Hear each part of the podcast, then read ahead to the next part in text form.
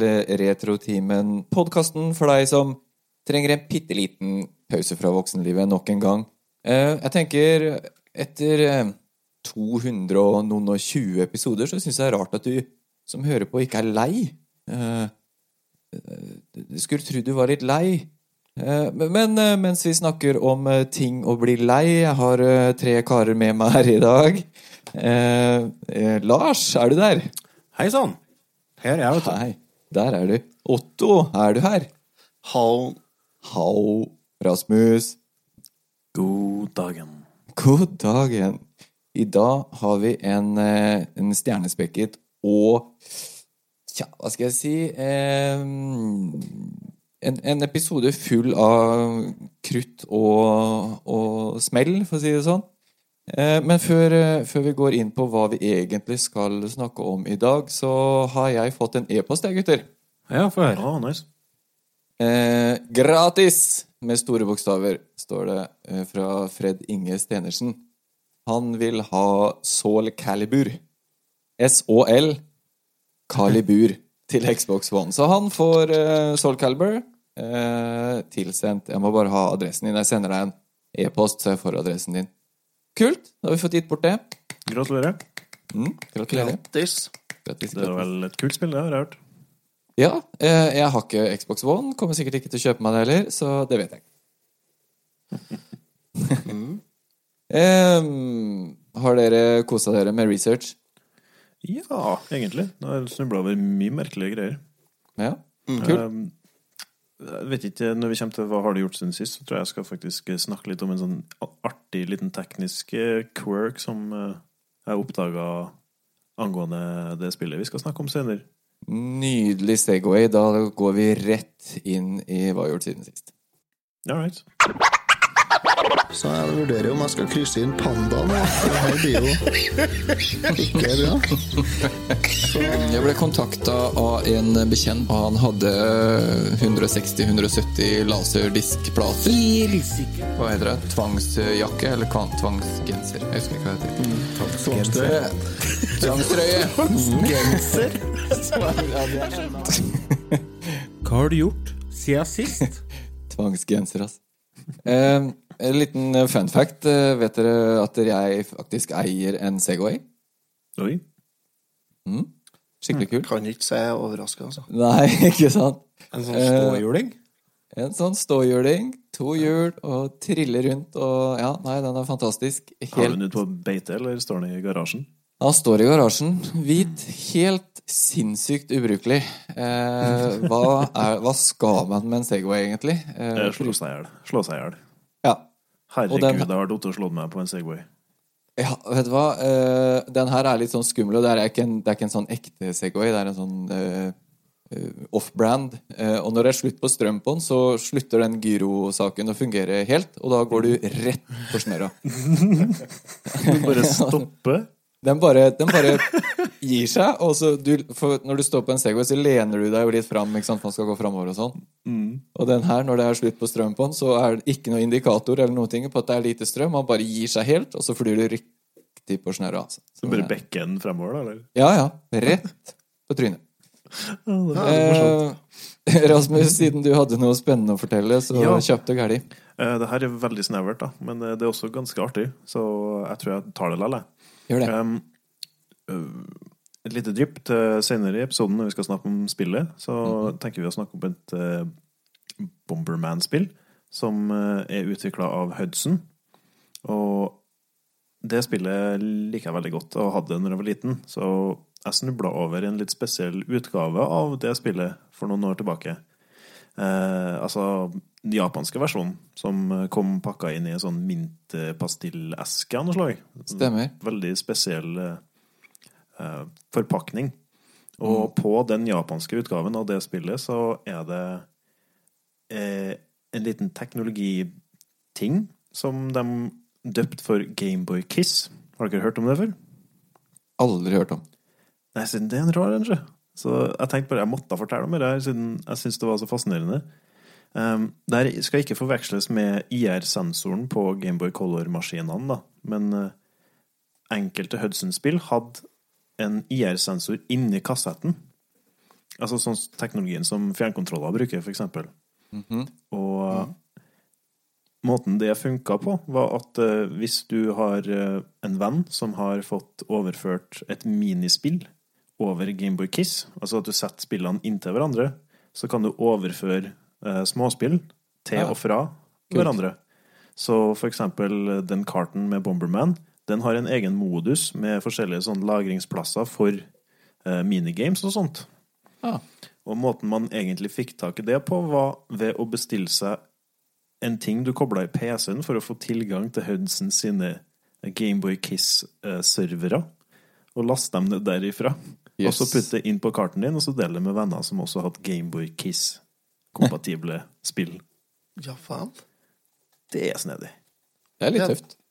Men Det, jeg, jeg, det er tror nok det, snedig. Ja. Ha? jeg tror nok ikke det blir uh, så veldig nyttig fremover. Men det var en veldig artig, artig liten Ja, men det er litt sånn som er morsomt er litt sånn som er morsomt med det her Nintendo-imperiet, holdt jeg på å si, for at det er så sinnssykt mye Det er så mye sånne små rariteter eh, som man eh, ramler over. Til, til og med den dag i dag.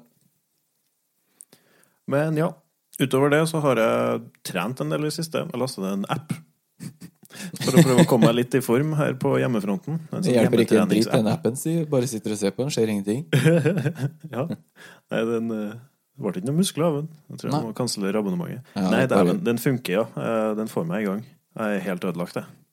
Ja. det er det som er med trening, er at du, du blir egentlig bare sliten og støl og sår, og så sitter man og vurderer etterpå hvorfor gjorde jeg det her. Nei da, dette skal bli bra. Altså. Mm, Det er bra. Lars, er du der? Hei, jeg er her, vet du. Ja. Sitter og hører på. ja, så bra. Har du gjort noe gøy? Ja da. eh, Jeg begynte å se en eh, TV-serie på TV2 Sumo som heter for eh, Lego Masters. Det er en sånn reality-konkurranse. Det er åtte lag, med to på hvert lag. Bygger om kapp i Lego. Ja. De får sånn forskjellige oppgaver. For eksempel skal de lage en fornøyelsespark. Eller de skal lage en feit bil, og så midt inni byggeoppgaven så får de beskjed om at nå skal du bytte Nå skal du ordne en kombo av bil og bjørn. Eller noe sånt helt merkelig. og så er det voksne og unger om en annen. Så det, det er veldig sjarmerende og artig TV-show. Det fins eh, britiske utgaven av det, og amerikanske utgaven. Amerikanske utgaven er jo selvfølgelig litt mer ekstrem da, enn den britiske. Jeg har nettopp sett ferdig to sesonger med den britiske og gått over på den amerikanske nå. Eh, og alt det der har jo selvfølgelig igjen ført til at jeg har fått legodilla. Selvfølgelig har du fått Legodilla. Ja. Så det starta med at eh, Var det på tirsdag, kanskje? Så fikk jeg ei sånn lita eske med Lego fra kjerringa, som hun hadde fått til på en sånn bruktbutikk. Og to, dag, to dager etterpå så hadde jeg 15 kilo med Lego. 15 kilo Lego, det er bra 15 mye Lego. Lego. Det er en jævlig svær sekk med Lego. Så Men er det bare sånn eh, alt mulig rart eh, Lego-deler, da, eller? Ja, det er alt mulig rart. Så mm, det har, jeg har brukt en par timer på å sortere ut eh, Du vet de standardklossene. Altså eh, to ganger fire-brikkene og fire ganger fire-brikkene og sånne ting. De som du bruker til å bygge med. da. Så jeg har på sortert ut dem. Og så har jeg prøvd å begynne å bygge litt, men problemet er jo at jeg kan ikke bygge Lego. Nei, for det er en viss uh, Hva skal jeg si uh... Du må være kreativ. Veldig kreativ. Ja, kreativitet Så- i det. Så jeg må Jeg driver og prøver å øh, utfordre meg sjøl litt da, på akkurat det der. Jeg, jeg, jeg syns Jeg bestandig syntes Lego var artig. Jeg jobber jo i barnehage, og vi bygger jo Lego der. Og da er det jo så kjedelig, vet du, for ungene skal jo bestandig rive ned det jeg bygger. Ja, ja, ikke sant? Så nå sitter jeg nemme med kjøkkenbordet, er 40 år og bygger legotårn uten noe sånn rivende, og det er helt fantastisk. Det, det er koronatider. Det er helt lov. Ja, men det er jo faktisk lov. Altså, det er, vi er så heldige som er voksen i 2020. Vi har lov til å legge puslespill. Vi har lov til å spille TV-spill. Vi har lov til Det fins jo faen meg dem som fer ut i skogen og leker krig. Ja, ja. Du kan gjøre hva du vil, og det er det som Ja. er så deilig med å bli voksen, at det er ingen som kan si noen ting. Og hvis de sier det, så bryr du deg ikke noe om det likevel. Men altså, hadde faren min gjort det i 1980, så hadde det blitt et problem, vet du. Ja, det var litt andre tider. Ja. Derfor er jeg så glad for at jeg er voksen nå. ja. Så det har jeg gjort. Jeg har bygga Lego. Otto, har du bygd Lego? Du, jeg har ikke bygd Lego sjøl. Jeg har trampa på litt Lego. Ja. Jeg har jo noen unger som bygger barn. Lego overalt. Har jeg. Så jeg har ikke trampa Jeg har ikke bygd noe, nei. Men jeg har eh, bygd noe annet. Det vil si, jeg har bygd Jeg har eh, begynt å restaurere noe. ja. Jeg skal jo selge rundbærpressa mi nå, og begynne å legge silo igjen. På høstgras og legge det i silo på gammelmåten. Mm. Og i den forbindelse har jeg begynt å restaurere to avlasservogner som jeg har, to grasvogner. Det er sånn, da- med sånn skråvegg, på en måte. Bakpå, ja. Mm. Mm. Sånn skråvegg, ja. Og da Det er jo en del råttin planker og sånt som skal byttes ut til litt fresht treverk, og en masse kjeder og lager som skal smøres og gås over. Så jeg har stått oppå låven her med hjelp av eh, enten min sønn eller min datter til å bore høl og banke gjennom eh, vognskruver og skruve i hop og prøve å få til vognene i tåle igjen. Og så har vi bygd dem litt høyere for å få med litt større lass. Ja. Er, det, er det håp for dem? Eller Ja, er de helt, det er det. Det er håp for dem. Det artige med de vognene er at de ble starta, produksjonen starta av Underhaug i Norge eh, på 70-tallet. Ble vognene satt i produksjon. Jeg husker ikke når akkurat. Og de ble produsert fram til Jeg tror det var på starten av 2000-tallet. For to år siden så sa Underhaug det at ja, vi eh, har fått så mye forespørsler at vi lager, starter opp produksjonen igjen, og vi produserer Jeg tror det var 14 vogner de produserte første året. Før det vognene var laga, så var produksjonen for året etter ferdig utsolgt. Det var 70 vogner. Så de har fått sin renessanse, så nå eh, produseres det faktisk eh, avlaservogner i Norge igjen. Ja. Så, så det er håp for norsk eh, industri, folkens. Det her det går rett veien, syns jeg. Det er bra, det. Det skal gå Folk rett. må jo ha mat, og da må vi jo ta ansvar og produsere mat, da. Så det er det du har bygd, eh, eller gjort? Det er å bygge vogner? Jeg har eh, prøvd å restaurere litt vogner. At det er jo så jævlig dårlig vær, så det er jo ikke eh, aktuelt å ut og gjøre noe vårhåndsarbeid. Nei. I dag kom jo snø. Vi snakka om det på Vi spilte inn en ekstraepisode i morges. At det var jo kvitt det vi sto opp. Mm. Ja, hadde 19-20 grader her om dagen. I dag har det vært litt surt. Det har vært litt overskya. Regna til morgenen i dag, men uh, i morgen så er det sol og godt vær igjen. Ja, du kan jo egentlig bare holde kjeft. Ja. Her var mellom to-tre grader og snø og sludd hele langtidsvarselet til og med 18. mai, altså åtte dager fram i tid. Ja, det blir bra, dette. Det var jo Ja, ikke blir snøstorm i sted. kjempebra. Ja, herlig, altså. Det er noen tulipaner som har kommet opp, og så har de snødd ned. Mm. Ja, Merkelig. ikke? Nei, det her blir bra. Skal vi egentlig bare snakke spill? Ja.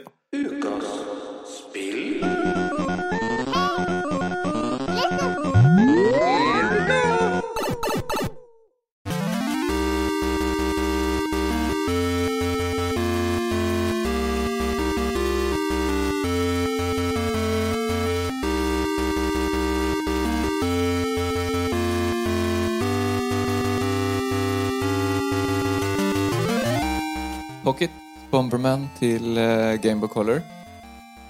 Det er liksom uh, Altså, vi, vi hører veldig ofte på, på patrients og hva de ønsker og sånn, men innimellom så må vi liksom høre på de i, innad i i, uh, i podkasten òg. Og denne gangen så fikk eh, Rasmus eh, hva si, vilja si.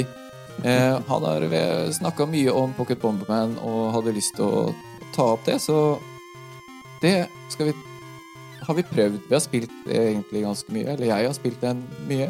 Mm. Um, hva fikk deg egentlig til å velge det her, Rasmus? Um, jeg har sluttet på en måte tenkt litt på hva er det som hadde vært artig å gjort i retrotimen. Og så kom det egentlig litt til meg ut av det blå å ta en liten sånn uh, spreng-spesial. Og da passer jo Bomberman ganske bra. Og jeg har eh, spilt en del Bomberman-spill opp igjennom. Og Ja. Det regner jeg med ganske mange av lytterne har også. Og Bomberman er jo et relativt simpelt premiss i utgangspunktet, med multiplayer der du går rundt på et kart og prøver å sprenge hverandre. Eh, Men det finnes jo 48 000 forskjellige Bomberman-spill. Så i ny og ne så må de jo selvfølgelig prøve seg på noe nytt. Og et par av de eksemplene som jeg har vært borti opp igjennom, der de prøver seg på litt andre ting, har fungert overraskende bra. Eh, For eksempel Bomberman 64, og det her, altså Pocket Bomberman, da, som vi skal snakke om i dag. Så eh, jeg spilte i barndommen og har veldig gode minner fra det, så jeg foreslo at vi skulle ta en liten titt på det. Ja. Så jeg er veldig spent på hva dere synes. Ja, jeg ble egentlig litt overraska. Jeg har aldri spilt eh, Bomberman noe særlig. Og så når jeg, men jeg har jo på en måte visst om hva Bomberman er. Men eh, når jeg har spilt eh, Bomberman de jeg har spilt, så har det vært sånn eh, ovenifra og ned-view. Sånn top-view. Eh, Men når jeg starta det her, så var det jo litt sånn eh, plattformaktig. Eller det det, er ikke det er jo ikke et Bomberman-spill, egentlig. Du har jo ikke den klassiske Bomberman-gameplayet i det hele tatt. Nei, og jeg vet jo egentlig ikke hva som på en måte er den klassiske, for jeg har ikke spilt det så fryktelig mye, annet av hva jeg har sett på YouTube og sånne ting. Men, eh, men jeg ser jo det eh, på sånne videoer hvor du ser de alle, alle de forskjellige til alle konsoller og sånn, så er det jo ovenifra og ned, skal jeg si. Mm. Men eh, jeg ble veldig overraska, positivt overraska. Og så syns jeg det er gøy at vi har et Gameboy Color-spill, for det tror jeg ikke vi har hatt før, egentlig. Har vi snakka om noe Gameboy Color-spill i det hele tatt, Lars? Ja, Link's Awakening, da. Ja, vi har hatt med Links Awakening, og så hadde vi Lucky Lucky Luke. Luke. Mm. Lucky Men dette her er jo egentlig et Gameboy-spill. Opprinnelig. Men så ble det gitt ut igjen på nytt som launch-tittel til Gameboy Color i 98. Ja, det var launch også, ja. Ja da, det var det, vet du. Det visste ikke jeg før uh, i ettermiddag. Uh, jeg spilte på Gameboy Color. Color. Kolor. Og det, det er litt sånn artig at du sier det med de klassiske 2D-spillene ovenfra og ned. Spill nummer to i eh, Bomberman-serien var jo 3D. I den, oppri Ja. altså, I den opprinnelige rekka. For det første sånn. Bomberman-spillet Det kom jo allerede i 1983 eller noe sånt. Ja. Kanskje enda tidligere. Og så kom det et uh, forsøk på 3D uh, som kom på, på datamaskiner. Sånn, der man får gå rundt første perspektiv i en sånn labyrintaktig opplegg, ikke det? Jo.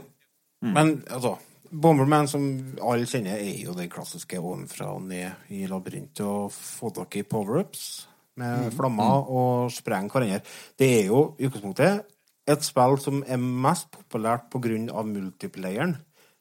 Så jeg var litt spent når jeg skulle sette meg ned og spille det her, men det som dere sier, altså, det er ikke et klassisk Bomberman-spill. Det er jo faktisk et plattformspill. Det er plattformer, ja. Det er det. Noen som vil eh, legge frem premisset i spillet? Eh, Du skal sprenge ting. Og når du har sprengt, når du har sprengt alle fiendene på skjermen, så åpner det seg ei dør, og så skal du gå inn den døra. Som, det er akkurat samme prinsippet som det er i overhead eh, vanlig klassisk Bomberman. Bare at du ser det fra sida. Ja. Jeg sikta litt til det at det på en måte er satt i kontekst av at Bomberman er en sånn helt som skal komme seg på toppen av et fjell og få tak i solsverdet og noe sånne greier. Så det er på en måte et eventyrspill, da. Ja, det er det. Eh, det det, er jo sånn, det er jo Er det fem verdener? Jeg tror det er fem verdener, ja. Fem Med, ganger fem, verdener med altså, siste verden er så bra, for den heter Evil. Ja. ja, du har skog, og så har du hav, og så har du himmel, og så har du ondskap. Jeg syns uh, jeg, jeg, Når jeg starta det spillet her sånn, så uh, tenkte jeg ja, ja, vi kjører i gang blind, og så tester vi det sånn som jeg liker å gjøre, bare for å se hva jeg hadde fått eh, hvis jeg hadde kjøpt det i butikken i 98. Eh, føler dere, etter dere har spilt det her, at om dere hadde kjøpt det her for jeg vet ikke, I 98 hadde vel det kosta kanskje en 598 kroner eller noe sånt, tenker jeg. Føler dere at dere hadde fått eh, det det var verdt? Altså fått uh, verdi for pengene? Det er et godt spørsmål, egentlig. Ja, det da jeg har jo Alternativet har jo vært å kjøpe et spill til Nintendo 64. Da. Mm. Eller et annet spill til Gameboy Color. Men uh... Hvis jeg tar utgangspunkt i at jeg hadde kjøpt en spillet hen til Gameboy når jeg var, i, når jeg var unge, For da jeg kjøpt, Jeg hadde tre-fire spill til Gameboy, og de kosta jo mye penger alle sammen. Ja. Og det var jo noen av dem som var bom, og noen av dem som var treff. Jeg tror jeg har vært sånn passelig fornøyd med det her. Eh, jeg syns egentlig den største utfordringa med spillet her er at det er litt eh, ensformig, men eh, jeg hadde egentlig ikke forventa meg så forferdelig mye variasjon i et Bomberman-spill heller. Nei, for det er noe med det. Du har bomber, og så skal du sprenge fiender. Så Jeg det hadde jo jeg hadde jo faktisk eh, Det var jo et av spillene jeg eide på Gameboy, var jo eh, Bomberman, eller Dino Blaster, da, som det heter i Europa. Men det var den klassiske ovenfra og ned-greia. Og det, det var kjempeartig. Det, det, det er jo et sånt spill som er eh, Klassiske Bomberman er perfekt håndholdt spill. Dette her eh, er kanskje ikke helt perfekt håndholdt spill, fordi at det er ikke enkelt. Nei, Nei, det er det det er ikke. vanskelig. Ikke noe walk in the park her, her altså. Eh, Det er ikke kjempevanskelig, men du må ta noen runder for å klare. Og det er, er det 25 brett eller noe sånt. Så hvis du Ja. har tenkt å runde det, så må du sette av en liten stund. Fordelen her er jo at du har eh, passord, eh, så Ja. du kan skrive ned passordet på Stemmer. fire, fire siffer, og så starter du der neste gang. Det hadde jeg glemt. Hva syns er jo kjempegreit. Ja, og så er det vel eh, evig continue òg, tror jeg. Ja. Mm. Det eneste problemet med continue-systemet er jo det at jeg tror du har tre liv, Ja. og når du da dør, så mister du ja? Power-ups. Ja. Alle power-ups. Så på en måte Du mister ikke alle? Ikke Eh, jo, du, hvis, når du du tar continue, all, hvis du mister alle livene, så mister du alle power-upene, ja. Det er Ja. når du får game over, på en måte, så må du starte på Ja. nytt igjen med å samle eh, masse forskjellige power-ups, type ting som øker hastigheten du går i, mm. antall bomber du kan droppe samtidig, eh, størrelsen på eksplosjonen osv. Beste power-upen i hele spillet er jo den eh, triggeren. Altså at du kan aktivere når bomben sprenges. Og eh, får du den, da er det bare å spille safe, altså. Mm. For hvis du klarer å beholde den, så er plutselig spillet 50 ganger lettere, altså. Ja, Ja, veldig. helt klart. Det hjelper sinnssykt mot bossene. Ja, De, det er det. de, de, de er vanskelig uten. Ja, de er faktisk det. Jeg sleit skikkelig med en part av dem. Men så fikk jeg den power-upen, og da tok jeg Det var en boss jeg tok bare Jeg sto helt til høyre på skjermen, og så var det Jeg husker ikke hvilken boss det var, men han, han var i hvert fall øverst på skjermen. Og så bare hoppa jeg opp, og så la jeg en bombe rett ned ved sida av han, og så hoppa jeg ned, så trykte jeg bombe. Og så når han drev og rista for at han hadde nettopp fått en bombe i trynet, så hoppa jeg opp og planta enda igjen, hoppa ned og trykka bombe. bombe. Så jeg tok den jo på fem treff tvert. Ja. Problemet er når bossene faktisk klarer å ta knekken på deg, så da mister du jo den, den mm. remote-greia. Og Ja. hvis du faktisk får game over mot bossene, så starter du jo fra scratch med veldig små bomber. Ja, da er Og da er, da er bossene vanskelig. Du har tre continues på deg til å bygge opp eh, større eksplosjon og flere bomber og sånn, da. Så du får jo gradvis eh, sjansen. Men eh, det, det kan være ganske tungt, altså. Problemet mitt er eh, hvis du la flere bomber samtidig, kan du legge opp til fire bomber samtidig. Ja. Og hvis du har lagt fire bomber samtidig, da må du tenke hvor du skal stå hen før du fyrer dem av. Altså. Ja. Eller hvis du ikke har den triggeren, og du legger ut fire stykker, så er det bare spreng som faen. Ja, For når den første sprenges, da, så sprenges alle fire. Ja, ja. det er helt eh, Det er eh, fantastisk. Men, men jeg syns det var eh, jeg, jeg, Bare for å gå tilbake til det med om det var verdt det. Jeg tror hadde jeg kjøpt det her sånn uten å vite noen ting om det når jeg var skal vi se, Da hadde jeg vært 17-18 år, da. Så hadde jeg vært ganske fornøyd, jeg, med, med det jeg fikk. Mm. Det For det- tror jeg at jeg har vært, altså. Ja, for spillet i seg sjøl er jo eh, du får, Jeg syns du får mye for pengene. Det er, det er god underholdning. Selv om det er vanskelig, men eh, det er jo ikke noe du ikke var klar over, at spillet var vanskelig på den tida der.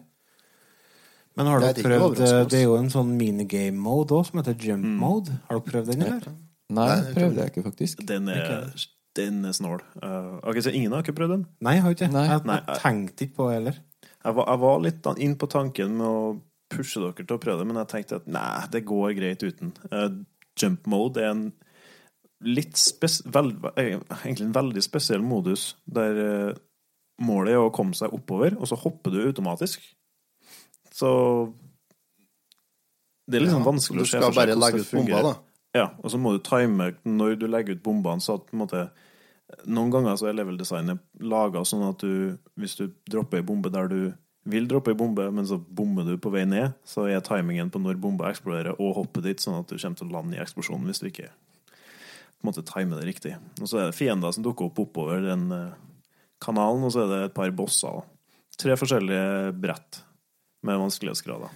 Men det er jo kult, da, for da, da har du jo faktisk litt variasjon i eh, sjøle spillet òg. Mm. Ja, det, det er en Ja. helt annerledes type modus. Jeg syns ikke den er like artig som hovedspillet, men jeg har hatt det mye artig med den òg, altså. Men er den den- i originalen? Jeg tror det. Ja, den ligger inn på Ja, originalen, ikke på den eh, Kanskje ikke på den til vanlig Gameboy, men til Game of Color så ligger den inn, ja. Ja, jeg tenkte på den til Gameboy. Ja, Det er jeg faktisk ikke helt sikker på. Det det kan jo være en ting som er lagt til. Det i er ettertid. For den til vanlig Gameboy heter den bare Bomberman GB, det? Eller er det den som ble kalt Dynoblaster, det? Den heter Pocket Bomberman ennå. Ja. Ja. Nei, Men, men, eh, det som er litt fint med spillet, her er at det er jo egentlig ganske kort og konsist, så jeg tror kanskje vi egentlig har snakka oss eh, godt og ferdig om det. Ja.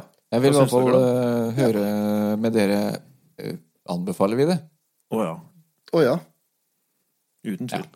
Det er jeg enig i. Vi anbefaler Pocket Bomberman til Gameboy Color. Det, jeg la det inn på retropien min og spilte det på storskjerm. Kosa meg masse.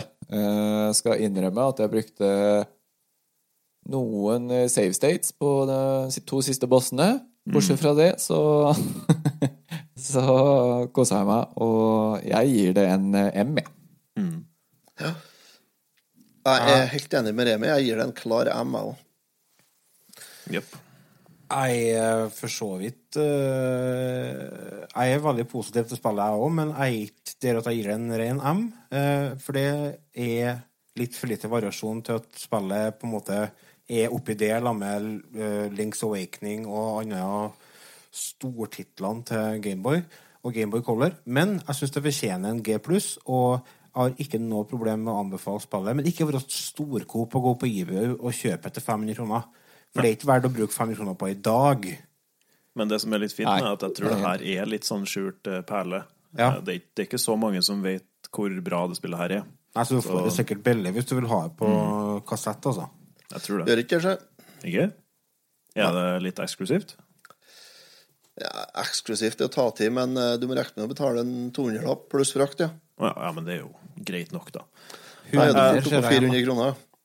Nei, Jeg syns det spillet her er en klassiker fra barndommen som eh, har stått seg overraskende godt. Eh, men det som du sier, Lars, det er Du finner spill med mer innhold. Ja, det gjør det. Uten tvil. Men eh, det som er her, er veldig godt, og da syns jeg helheten står seg godt. Så jeg gir det en M minus, jeg. Jeg ser du får kjøpt spillet til 100 og Ja, mellom 50 og 120 kroner for bare kassetten. Men da må du se på frakten. Jo, men du ser det, ser det Ja, du kan her for eksempel så er Bite Now 126 pluss 57 kroner shipping. Ja, ja, det var billig fra Det koster ikke mye å shippe de Gameboy-spillene, vet du, hvis du, hvis du kjøper bare kassett. ja, Jeg var inne og kikka i stad. Det var mange av dem jeg kommer fra USA og sånt, og da er det Ja, det over blir 200 kroner. Et lite eh, tips til dere som går på eBay og handler. Finn tak i britiske eh, selgere. Mm. Er Eller ikke, eh, kanadisk.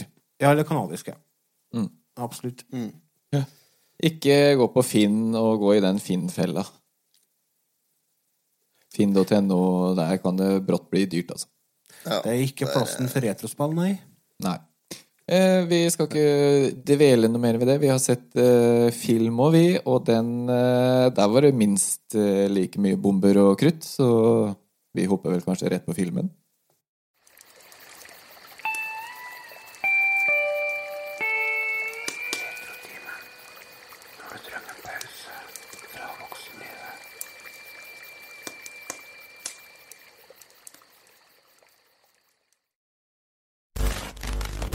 These count to 11. But they'll never take our freedom! Ezekiel 25. You're gonna need a bigger boat. Nobody puts baby in a corner. Make my day. I'll be back. Yo, Adrian! I did it!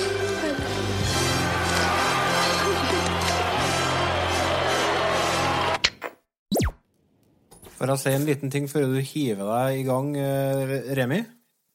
Et lite tips til dere lytterne. Dere hørte nettopp jingelen der en eh, godeste Patrick Swayze sier 'Nobody puts baby in a corner'. Det er jo fra Dirty Dancing. Sjekk ut TV-serien på Netflix som heter Movies That Made Us. Det er en eh, på en måte Ikke spin-off, da, men det er laga av samme folkene som har laga TV-serien The Toys That Made Us. De eh, ser på gamle filmer og intervjuer folk som var på settet, og går gjennom hele greia. De hadde en eh, greie på Dirty Dancing, og det er en på Die Hard, og så var det en på Home Alone, og en film til, jeg husker ikke. Men sjekk ut det på Netflix. Mm. Veldig spennende, faktisk. Vet dere om tolv år Da er eh, ikke Los Angeles, San Diego og Santa Barbara noe mer. Da er det et uh, utopia som heter eh, San Angeles. Jeg vil kalle det et dystopia. Eller- For hvis ikke jeg får lov til å drikke øl og ha meg, så er ikke det et utopia jeg vil leve i. Eller ete kjøtt. Eller kjøtt, for den saks skyld. Nei, du må ha på deg sånne, sånne masker, og så må du sitte i hver din eh, sofa. Og ja, det er måten man på en måte har seg på. Ja. Bakvendt 3D-briller. Ja. Ja, det er 3D-briller og så en sånn, så sånn dress som de har på seg i Ready Player One. Det er det du Ja. får. Vi har sett film, vi, eh, fra vi. 1993. Action eh, science fiction-thriller. Demolition Man med Wesley Snipes og Sylvester Stallone. Og Sandra Bullock. Og Sandra Bullock, ikke minst. Uh, utrolig søte Sandra Bullock. Jeg husker den filmen her jeg, som en av mine favorittfilmer når jeg vokste opp. 13 år, så den her. Helt fantastisk. Ja. Ikke sett den på mange år, og gleda meg til å se den. Og jeg har litt å si om den filmen her, sånn, jeg òg, men eh, det jeg er mest eh, interessert i å høre om, egentlig, er Otto. For Otto er litt sånn actionmann. Så jeg lurte litt på hva du syns, Otto, når du endelig fikk litt action å se på. Ja, nei, endelig ble det en actionfilm med Sylvester Stallone og Wesley Snipes, da, tenkte jeg. Ja, det er jo rett opp eh, gata di, det. Ja, dette her er jo klassiker, og jeg husker jo Jeg har jo sett filmen før. Jeg har jo sett den mange ganger før òg. Mm. Og satt på filmen og tenkte hva i all verden? Ja. Dette her kommer ikke jeg i hug, nei. Nei. Ja, den scenen der de fryser ned, det husker jeg på. Mm. Og så kikker jeg bort på Silje og sier Har du sett filmen før, du? Ja, jeg har sett den mange ganger, sier jeg. Ja, kommer det i hug nå? Nei, jeg husker ikke på noe av det. Nei. Jeg husker ikke på noen ting, faktisk. Og jeg var helt sikker på at han eh, Dolph Lundgren var med i den her. Ja, det er han ikke. Nei, han er ikke det, vet du. Så jeg tenker, hva i all verden, hvilken film jeg har sett han i, da? Mm. Jeg var sikker på det var Demolition Man var med Dolph Lundgren, men det var jo ikke det, vet du. Men så begynte jeg å tenke på, er det kanskje Universal Soldier? Er det der han er med? Ja, Jeg tror det. der er nok Dolph Lundgren med, ja. Ja. Og Så den jeg Jean-Claude, rota med. Så jeg trodde det var den jeg skulle se. Ja Men så bare faen. Nei, hva faen. Det eneste jeg kom i høy var at jeg har jo sett en, mange scener der før, men altså bare sånn Jeg huska ingenting. Ikke engang plottet. Ingenting. Nei. Nei. Altså, jeg også huska Har sett en del ting fra filmen her, men jeg, jeg mistenker at jeg ikke har sett filmen i sin helhet. Uh, Det kan godt hende at jeg har gjort det. Altså, I sin helhet så er den ganske sånn stakkato. Ja, Merkelig. men jeg tror det kommer av at Demolition Man er en sånn TV-film. Den har gått oh. ganske mye på TV3 og litt sånt ja, noe, så det, Ja. det er helt sikkert en sånn type film dere har zappa innom, og så Mm. Å ja, Demolition Man, og så ser dere litt på den, og så Ja. Det, det er Ja. en klassiker, ikke sant? Og jeg vil jo påstå at Demolition Man er en klassiker, men, eh, men om det er en bra klassiker, det vet jeg ikke. Ja, nei, det skal vi jo komme fram til etter hvert, da. Men altså, Mm. jo, det er nok en klassiker. Det er det nok. Uh, og jeg, jeg vet at jeg har sett den, for jeg, har jo, jeg vet jo at jeg har vært og ledd den på video. Men Skal vi, eh, skal vi legge frem litt vi- premisser først? Ja, var det jeg tenkte. Kanskje Mm. Lars har lyst til å fortelle litt uh, hva, hva som skjer, hva det handler om? Filmen handler om eh, en bad guy som spilles av Wesley Snipes, og en politi som spilles av Sylvester Stallone. Eh, vi er i 1996. Og eh, de driver og kjemper mot hverandre. Og eh, på et sånn eh, mer merkelig vis så får han bad guyen frama Sylvester Stallone sånn at han blir anklaga for å ha drept en hel haug med gisler. Stemmer. Eh, og da dømmes de begge to til å fryses ned. Og uh, tida går. og så blir de uh, Han Wesley Snipes, han som spiller bad guy, han blir vekt i 2032 for å vurderes for sånn prøveløslatelse. Og så Ja. klarer han jo selvfølgelig å sno seg unna det og bryte seg fri. Og da finner de ut eh, det politiet der, de er jo evneveik i 2032. De får ikke til noen verdens ting. Så de er nødt til å få tak i en politi fra hans, uh, hans tid, da. Så de vekker en Sylvester Stallone. Og så blir det baluba. Og så, og så slåss de, og så bannes de, og så får de bøter, og så har de seg interaktivt, og ja, det, det skjer ting. Ja, For i 1932 så har det jo ikke vært eh, noe drap de siste hva er det, tolv åra? Ti åra, var det noe sånt? 1932. Nei, eh, i 2032, unnskyld. Det er litt bra, for at i 1932 så kom det ei bok som heter Brave New World av Aldous Huxley. Det er en sånn uh, dystopi, Uh, og det er det faktisk en par nikk til i den filmen her. Ja, det kan du se. Så de politifolka, blant annet Sandra Bullock, eh, som eh, ønsker seg litt action eh, Hun det, fra 90-tallet. Mm. Hun hadde hørt på Retrotimen, for å si det sånn. Hun hadde hørt på Retrotimen, ja. Det er helt klart. Det er litt kult. Hei, Sandra. Og det, bare for å si en ting jeg, eh, Mye av underholdninga i filmen ligger på hun, syns jeg. Fordi at uh, hun, har, hun har jo fanga opp en del sånne ord og uttrykk fra 90-tallet. Bare Ja. at du har ikke helt fått taket på dem. Nei, Så jeg har et, litt dem. har et lite klipp her der jeg skal prøve å skryte av Sylvester Stallone, da. Jeg skal få høre her. Not bad for a 74 year old. Simon Phoenix knows he has some competition. He's finally matched his meat. You really licked his ass. Met his match and kicked, kicked his ass. Met? Met his match and kicked his ass. Met his match and kicked his ass. Captain? You really licked his ass. det er så bra, for han så... Stallone bare snur seg og kikker på det. Hva er det du sier for noe? Hva er det for noe slags visvas som kommer ut av den fine kjeften din? Den filmen her har jo umåtelige mengder med idiotisk humor som jeg føler i, i veldig stor grad lander platt. Men eh, noen av dem funker, altså. Den der Noen er jo egentlig ganske morsom. morsom. Det er i jo, sånn fall den- sånn i hvert fall Sånn sett så er det en erketypisk actionfilm fra 90-tallet. Ja, det, det har mye til felles med mange andre filmer som jeg har litt problemer med. Sånn, jeg liker den på noen premiss, og så er den bare veldig kjedsommelig på mange andre måter. Det var Men, der eh, jeg egentlig ble ganske sjokkert, for at jeg eh, husker jo denne filmen her sånn eh, som veldig bra og morsom og alt mulig sånt nå, men eh, når jeg så den her så, Nei, han er ikke det. Jeg ble litt sånn Hva er det her for noe? Det, det her var jo Men det er klart, jeg var 13 når han kom, da, så det var sikkert morsommere da enn det han er nå. Den prøver veldig hardt å være morsom, da. Altså, Ja. Det blir et sånn toneskift som jeg ikke syns funker så godt. Men det var mange Det er- filmer som prøvde å gjøre lignende på 90-tallet, tror jeg. Det funka på 90-tallet, for det var i anna tid. Mm.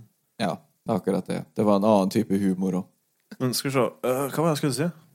Jo, uh, de spiller jo litt på det øh, rivaleriet mellom øh, Stallone og Schwarzenegger, da. Så det viser seg jo Sandra Bullock røper jo det at øh, Schwarzenegger ble president, og Stallone bare Å, herregud, ble han president? Ja. Den, den syns jeg var veldig morsom. Så var jo faktisk ikke så langt unna. Han var jo guvernør. Ja, han var det. The governator The Governator, ja. Jeg syns egentlig filmen her fungerer på veldig mange måter òg, jeg, da. Eh, Jeg syns Hvis en ser bort fra cheesy slow motion-scener jeg, jeg liker sånne scener, men eh, jeg skjønner jo det at mange ikke liker det. Så er det jo en, et bra tempo og driv i filmen som uh, funker bra, syns jeg, altså. Ja, helt klart. Og det, vi snakker veldig mye om film som uh, At det går litt sakte eh, i de gamle filmene som vi ser. Men eh, her så tror jeg action starter etter bare to minutter. Ja. sprenger et helt eh, lagerbygning i løpet av de første noen av minuttene. Så det, det skjer ting med en gang. Så du kjeder deg på en måte ikke i filmen. Nei. Ikke Men den ble, ikke, den ble ikke godt mottatt i sin samtid, heller, denne filmen. da. Uh, I media så fikk den jo ka- terningkast tre i VG. Uh, og i Dagbladet så anmeldte de den til en terningkast to. Ja, såpass, ja. Altså, Er det en ting jeg største- lærte på den tida der, det var at hvor dårligere terningkasta var i avisa, hvor bedre var filmen. ja. Ofte så var det sånn. Ja. Helt enig. Problemet mitt med filmen her er når de kommer til framtida. De tegner jo framtida som en sånn uh, veldig steril, rar altså Det er jo der humorverdien kommer fra. Jeg syns det bare blir veldig slitsomt. Syns ikke det funker i det hele tatt. Og der bruker Ja, altså jeg det at de, lang er så, tid. at de er så veike og ikke får til noen ting, og sånne ting, du tenker på. Ja, At det ikke blir artig. At de har maskiner på veggen som skriver ut bøter til deg hvis du sier faen.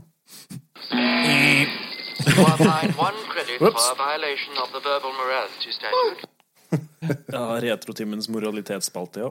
Ja. Men vet du, en person som jeg var veldig glad for å se igjen i film, det var en godeste Dennis Leary.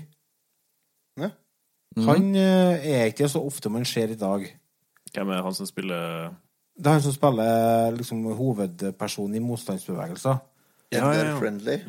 Dennis Leary han er jo, han er jo eh, veldig, veldig kjent standup-komiker. Og han hadde jo eh, i hvert fall to kjempebra standup-spesialer på 90-tallet. En som heter for No Cure for Cancer, og en som heter Lock and Load. Der han, eh, han er jo veldig kjent for sånne tirader. Han, han var jo blant annet på MTV.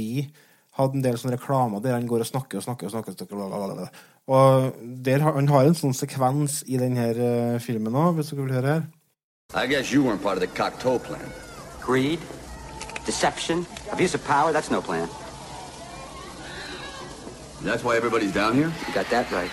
See, according to Cocteau's plan, I'm the enemy. Because I like to think. I like to read.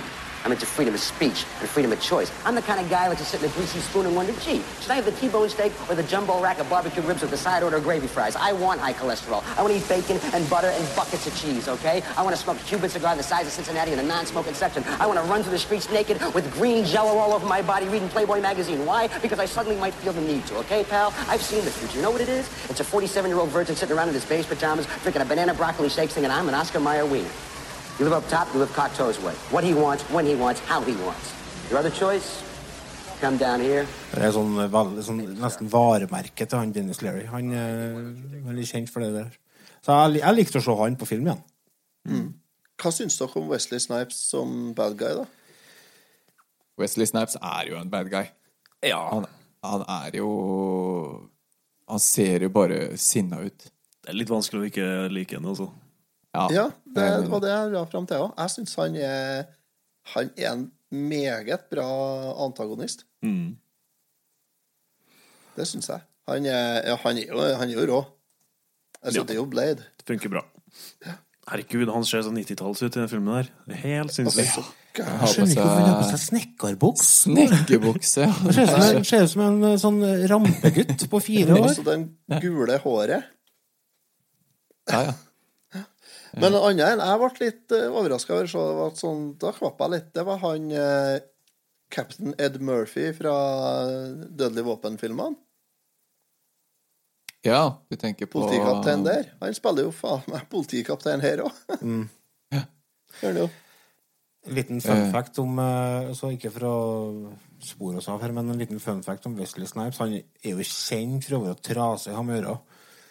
Eh, Det er jo en scene i eh, en av dere Blade-filmene der han eh, Bent Wright slo seg på tverra og nekta å åpne øynene. Sånn at de var nødt til å legge på CGI-øya på han.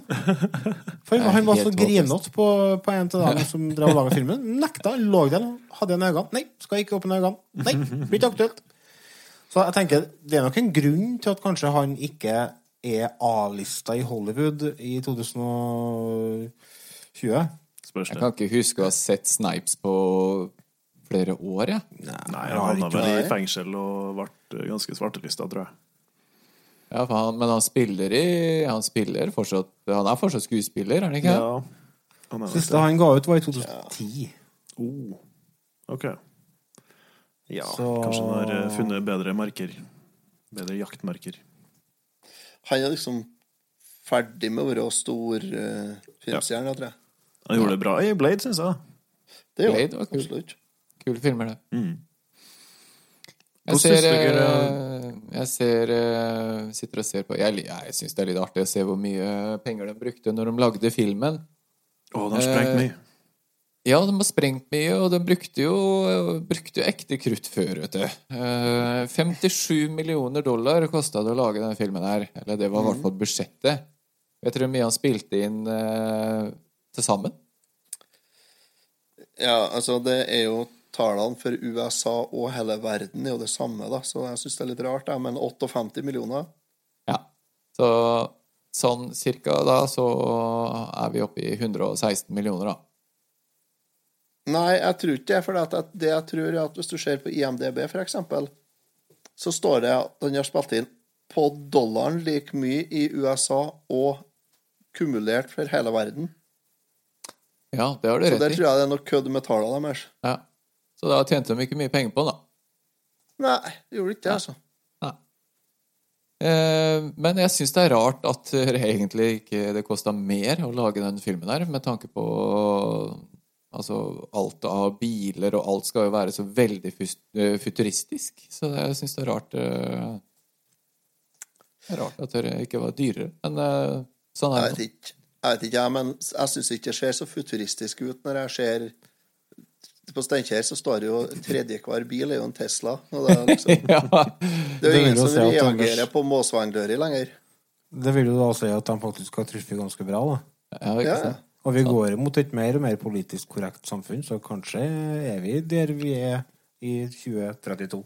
Ja, vi er nærmere det, det framtidsbildet der enn jeg gjerne skulle ha likt, merker jeg. Det. Men jeg er ganske glad for at vi ikke har de der tre ja, Sjelene. ja.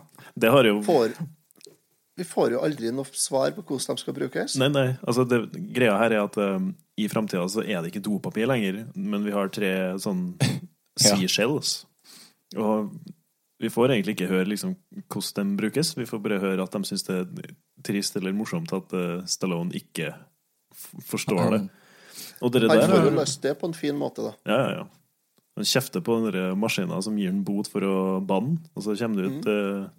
et lite knippe med bøter, og så tar han seg en tur. Men, Hvis du eh, følger med på de jo- eh, bøtene når han står og banner for å få mange, så ser du den siste som kommer ut, at det er en sånn bunke.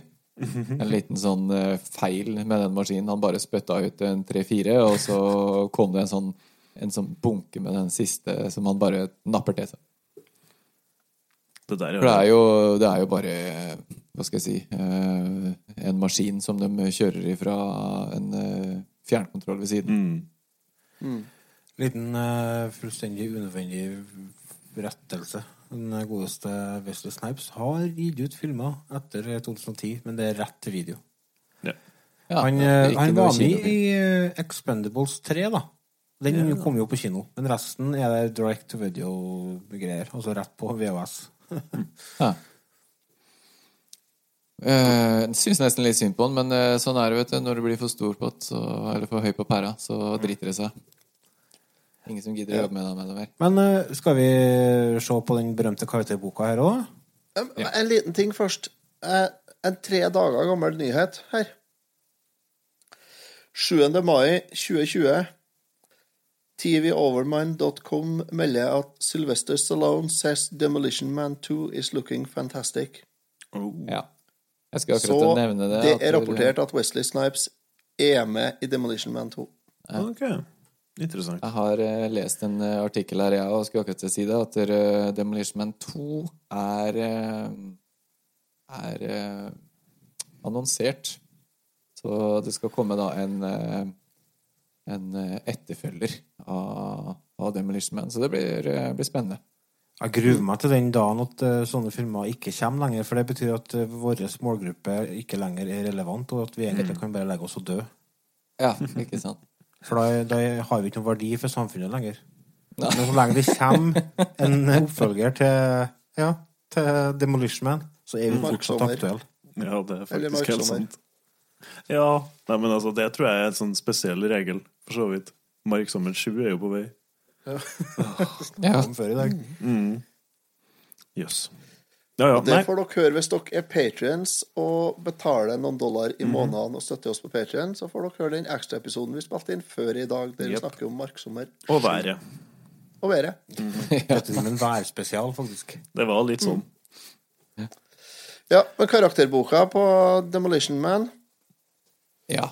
Eh, Jeg kan eh, begynne. Jeg tar fram eh, rødpennen min, men jeg syns ikke humoren fungerer så veldig bra. Sandra Bullock bærer filmen.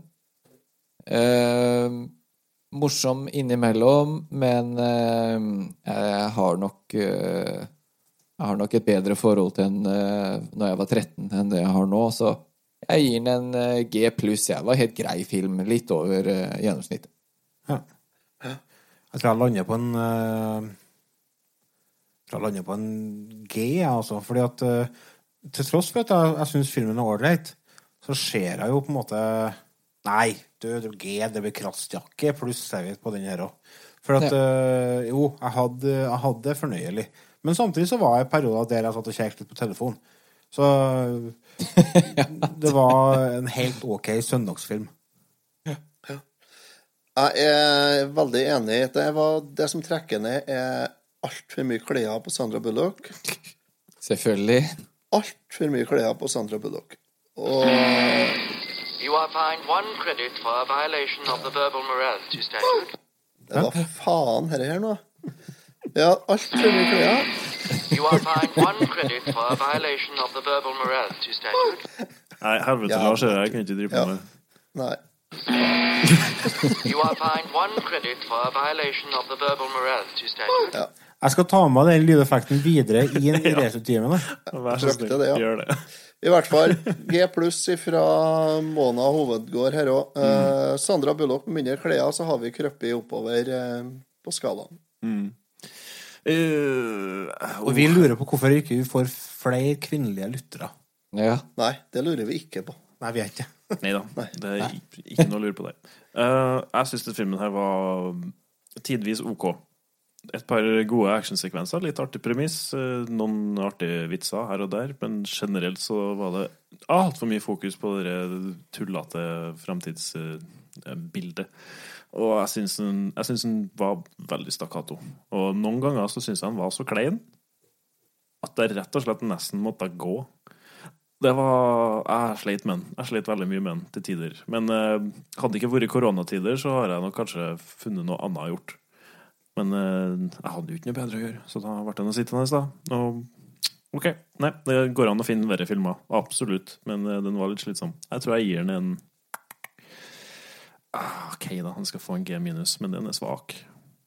En svak G minus der, altså. Vet du hva? Det har gått en time allerede. Oi.